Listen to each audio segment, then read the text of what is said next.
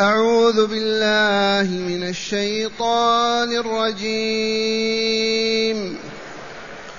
بسم الله الرحمن الرحيم. إنا فتحنا لك فتحا مبينا. ليغفر لك الله ما تقدم من ذنبك وما تأخر ويتم نعمته عليك ويتم نعمته عليك ويهديك صراطا مستقيما وينصرك الله نصرا عزيزا هو الذي أنزل السكينة في قلوب المؤمنين. هو الذي أنزل السكينة في قلوب المؤمنين ليزدادوا إيمانا مع إيمانهم. ولله جنود السماوات والأرض وكان الله عليما حكيما ليدخل المؤمنين والمؤمنات جنات تجري من تحتها الأنهار تجري من تحتها الأنهار خالدين فيها ويكفر عنهم سيئاتهم وكان ذلك عند الله فوزا عظيما ويعذب المنافقين والمنافقات والمشركين والمشركات والمشركين والمشركات الظانين بالله ظن السوء عليهم دائرة السوء وغضب الله عليهم ولعنهم وأعد لهم جهنم وساءت مصيرا ولله جنود السماوات والأرض وكان الله عزيزا حكيما. أحسنت. معاشر المستمعين والمستمعات من المؤمنين والمؤمنات. خرج النبي صلى الله عليه وسلم من المدينة ومعه ألف وأربعمائة رجل.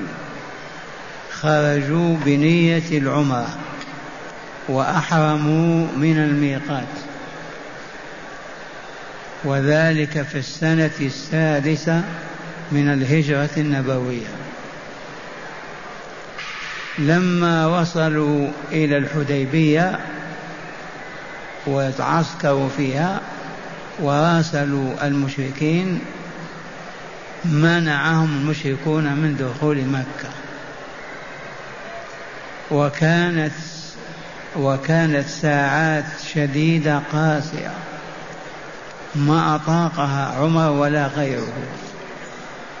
وانتهت بعقد مصالحة سلمية مدة عشر سنوات. فتألم أصحاب الرسول وخاصة عمر. ولكن الله عز وجل أنجز حكمه.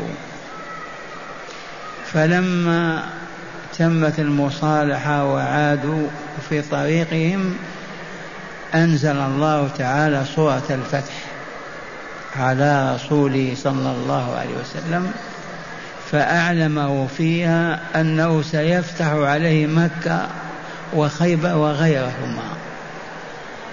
فقال له وهو يعاني من الآلام والأتعاب والهموم والغموم. ما كان مرتاحا. صبر صبر أولي العزم وما صبروا صبره. فبشره الله تعالى بقوله إنا فتحنا لك فتحا مبينا. أخبره بأن فتح الله عز وجل آت لا محالة. قال بعض الصحابة كيف هذا الفتح؟ فقال هم وسلم إذا ما فتح له يفتح غدا والفتح حاصل. وما هي إلا السنة السابعة والثامن السنة الثامنة فتح الله عليهم مكة ودخلوها. وقبلها دخلوا خيبر وغزوها. الحمد لله. إنا فتحنا لك فتحا مبينا ليغفر لك الله ما تقدم من ذنبك وما تأخر. عانى تلك المعاناة النفسية وبشره الله بالفتح في المستقبل وعلل لذلك بقوله ليغفر لك الله ما تقدم من ذنبك وما تأخر. هنا معاشر المستمعين والمستمعات من المعلوم بالضروري أن الأنبياء والرسل معصومون لا يرتكبون كبيرة إثم قط. وأحل واحلف بالله ولا تتردد. والرسول الكريم سيد الرسل. معصوم لا يقع أبدا في كبيرة من كبائر الذنوب.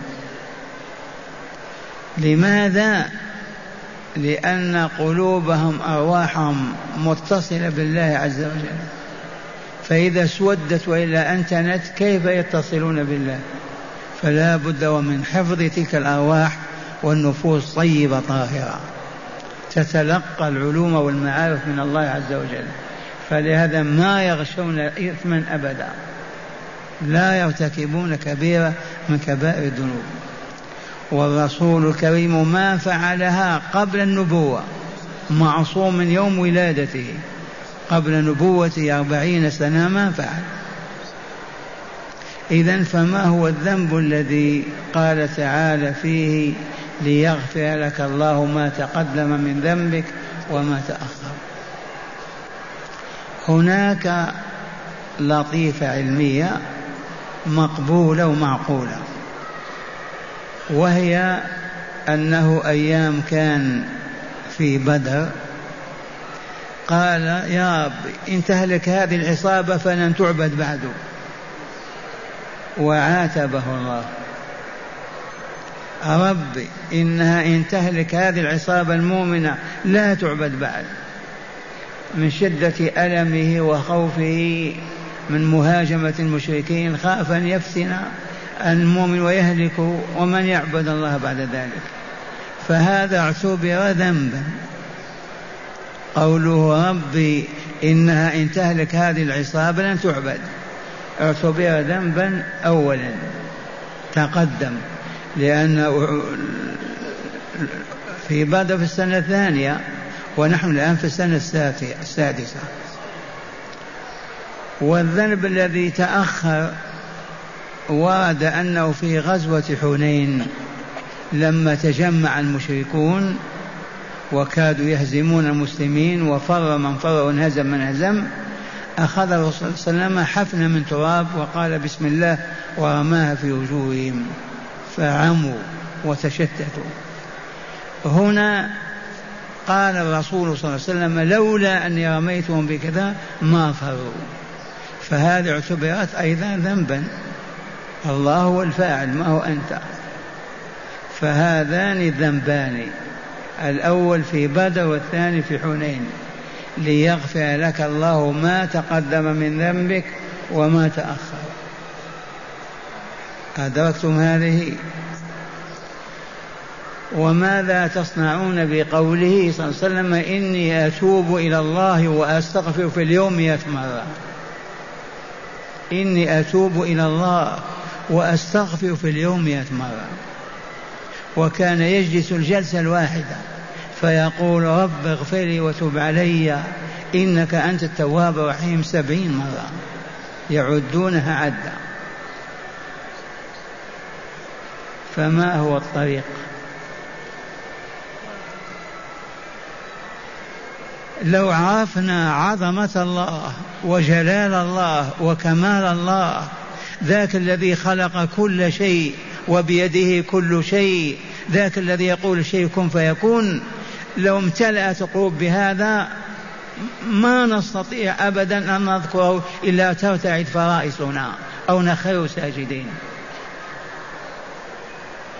وها نحن ندخل في الصلاة ورغبتنا أن تنتهي في هذه وحدها كافية.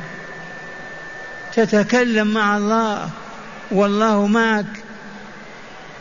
وتود أن تخرج من المكاملة المكالمة ذي وحدها تعتبر مما لا يطاق. لو نواخذ بها ما نسعد. كيف أنت دخلت في الصلاة تتكلم مع الله؟ وترغب أن تنتهي. هذه رغبتنا. إذا طال الإمام نزعج. نود أن نخرج. كيف تود أن تخرج مع الكلام مع ربك؟ فمن هنا عظمة الله عز وجل من يقوى على تقديرها فكان الحبيب يشعر بهذا ويحس به فمن ثم يتوب إليه ويستغفره. ليس معناها أنه أذنب ذنبا ارتكب جريمة أو فعل معصية. فقد تقصيرنا في عظمة الله وجلاله وكماله وحبه وطاعته. يكفي هذا أن نتوب إلى الله كل يوم مئات المرات ونستغفر الله. هذا الذي سمعتم هو الحق.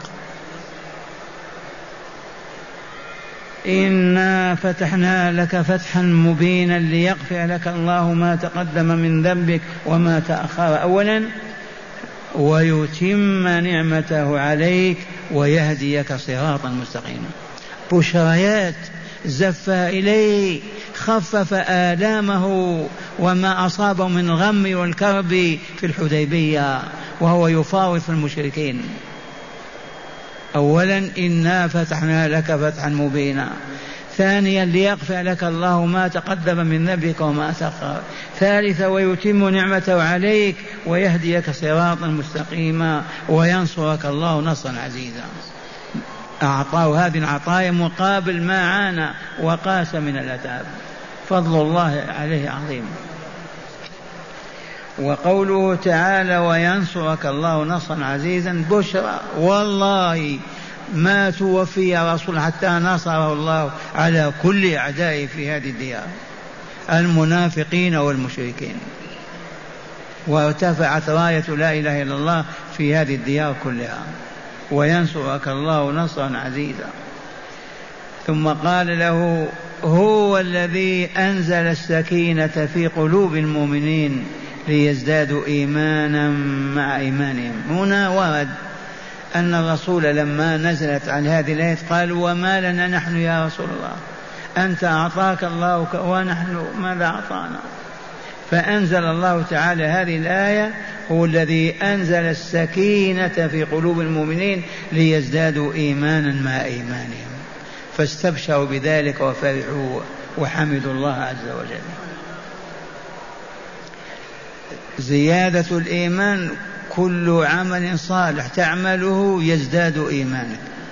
إلى أن تموت ما من عمل صالح من صلاة أو زكاة أو صيام أو كذا تعبد تعمله في صدق إيمانا يقينيا إلا ويزداد إيمانك وأصحاب الرسول كل شهر شهرين ينزل فرض من الفروض فرضت الصلاة فرضت الصيام الزكاة الحج الجهاد ويزداد في ذلك إيمانهم لما دخلوا في الإيمان دخلوا بلا إله إلا الله محمد رسول الله.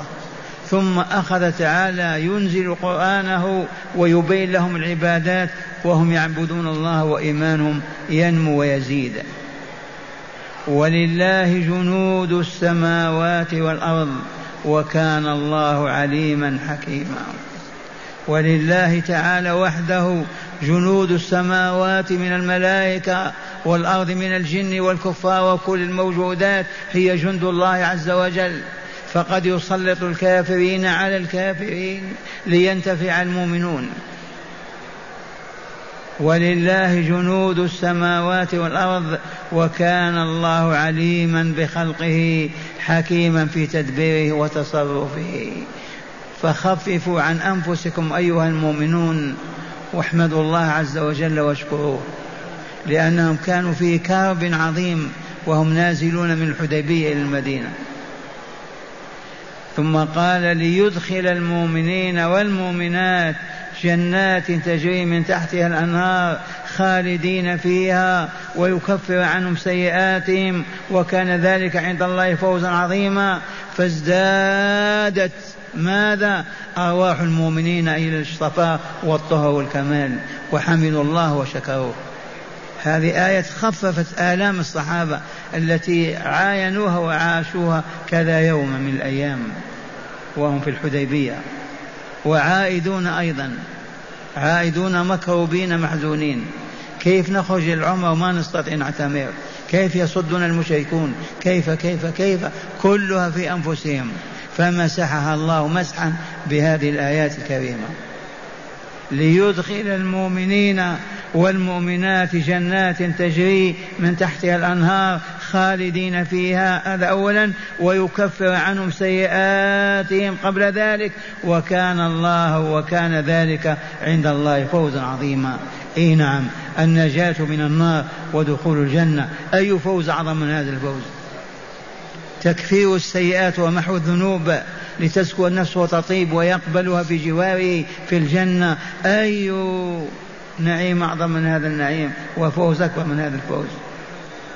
ثانيا ويعذب المنافقين والمنافقات والمشركين والمشركات الظانين بالله ظن السوء عليهم دائرة السوء وغضب الله عليهم ولعنهم وأعد لهم جهنم وساءت مصيرا. هنا ما إن خرج الرسول والمؤمنون. حتى فرح المشركون والمشركات والمنافق والمنافقات. قالوا لن يعود محمد وأصحابه. لن يعود. بل ظننتم ظن السوء أن لن يعود الرسول والمؤمنون إلى أهلهم أبدا. ظنوا هذا الظن. إذا فأغمهم الله وأكربهم وأحزنهم بهذا الوعيد الشديد. ويعذب الله المنافقين والمنافقات والمشركين والمشركات الظانين بالله ظن السوء أن الله لا ينصر رسوله ولا دينه ولا نبيه. عليهم دائرة السوء عادت عليهم وغضب الله عليهم ولعنهم وأعد لهم جهنم وساءت مصيرا الحمد لله. بشرى عظيمة هذه السورة. طهرت قلوب المؤمنين. ثم قال تعالى وقوله الحق ولله جنود السماوات والأرض. الجنود في السماء والأرض ملائكة وجن وإنس والكل لله. يدبر أمرهم ويصرفهم كيف ما شاء. فينصر أولياءه ويهزم أعداءه. ما دام له جنود السماوات والأرض ينهزم ينهزم الرسول والمؤمنون ما ينهزمون. ما هي إلا عهدة اتفقوا مع المشركين لمدة سنتين فقط وفتح الله على رسول مكة وفتح خيبر والبلاد. ولله جنود السماوات والأرض وكان الله وما زال عزيزا غالبا لا يغالب حكيما في تصريفه وعطائه ومنعه ونصرته وخذلانه. كل ذلك بحكمة. هذا هو الله جل جلاله. هذا هو محمد رسول الله. هؤلاء هم المؤمن أولياء الله. فاللهم اجعلنا منهم. واحشنا في زمرتهم يا رب العالمين. بسم الله والحمد لله. والصلاة والسلام على خير خلق الله سيدنا ونبينا محمد وعلى آله وصحبه. من هداية هذه الآيات أولا الذنب الذي غفر لرسول الله صلى الله عليه وسلم من المعلوم بالضرورة أنه ليس من الكبائر في شيء وهو من باب حسنات الأبرار سيئات المقربين. من هداية هذه الآيات التي تدارسناها الآن والفضل لله والحمد لله من هداية هذه الآيات أن الذنوب الكبائر منها لم يرتكبها رسول الله صلى الله عليه وسلم والله ما فعل كبير أبدا. معصوم محفوظ بحفظ الله. وإنما من باب حسنات الأبرار سيئات المقربين. صلاتنا هذه التي نصلي أنا بالذات يعني. تبات؟ عند الأب عند المقربين سيئة. ما هي صلاة؟ صلاتنا التي نصليها كما تشاهدون ندخل مع الله ونخرج عنه ونتركه ونذهب هنا وهناك بقلوبنا والعياذ بالله. وما نشعر أننا نتكلم مع الله وأننا مع الله. وهكذا كل العبادات يجب أن نكون فيها مع الله. فلهذا حسنات المقربين الأبرار سيئات المقربين. وقد بينت لكم أنه كان يستغفر في اليوم مئة مرة. ليس معنى هذا أنه يذنب ابدا. وإنما يشعر بأنه ما وفى ما يجب عليه لله. وقد قلت لكم أنت انظر إلى الرب العظيم الذي خلقك وصورك وبيده ملكوت كل شيء يحيي ويميت رب العالمين. كيف ما ترتعد فرائسك إذا ذكرته أو وقعت ساجدا؟ فمن هنا يجب أن نستغفر الله ونتوب إليه. لا مئة مرة بل مئات المرات. اقتداء برسولنا صلى الله عليه وسلم. نعم. ثانيا إنعام الله على العبد يوجب الشكر والشكر يوجب المغفرة وزيادة الإنعام. نعم إنعام الله على العبد يوجب الشكر. أنعم الله علينا بنعمة الإسلام يجب أن نشكر الله عز وجل. والشكر يحقق لنا المزيد من النعمة ومغفرة الذنب. نعم. ثالثا بيان مكافأة الله لرسوله والمؤمنين على صبرهم وجهادهم. من هداية هذه الآيات بيان مكافأة الرب تعالى لرسوله محمد صلى الله عليه وسلم والمؤمنين أصحابه على ما عانوه وقاسوه وعاشوه تلك الأيام الصعبة في الحديبية. أعيد السؤال المسألة قال بيان مكافأة الله لرسوله بيان مكافأة الله. الله كافأ رسوله وكافأ أصحابه عما عما كانوا يعانونه في ذاك الصراع بينهم وبين المشركين. والمنافقون والمنافقات في المدينة يضحكون ويفرحون. فعوضهم الله بما سمعتم. الرسول أتاه الفتح غفر له ما تقبل ذنبه أعطاه النصر كذا الملائكة المؤمنون غفر ذنوبهم وهكذا. مكافأة الله لعباده المؤمنين. نعم. وأخيرا بيان أن الكافرين يحزنون ويغمون لنصر المؤمنين وعزهم فيكون ذلك عذابا لهم في الدنيا. بيان أن الكافرين والمنافقين يكربون ويحزنون إذا انتصر المؤمنون وأيدهم الله. وذلك هو العذاب لهم في الدنيا قبل الآخرة. وهذا دلت عليه الآية الأخيرة. ويعذب المنافقين يعذب المنافقين والمنافقات. لما نصر الله رسول المؤمنين المنافقون والمنافقات والمشركون كلهم أصابهم كرب وهم وحزن والعياذ بالله حتى هلكوا.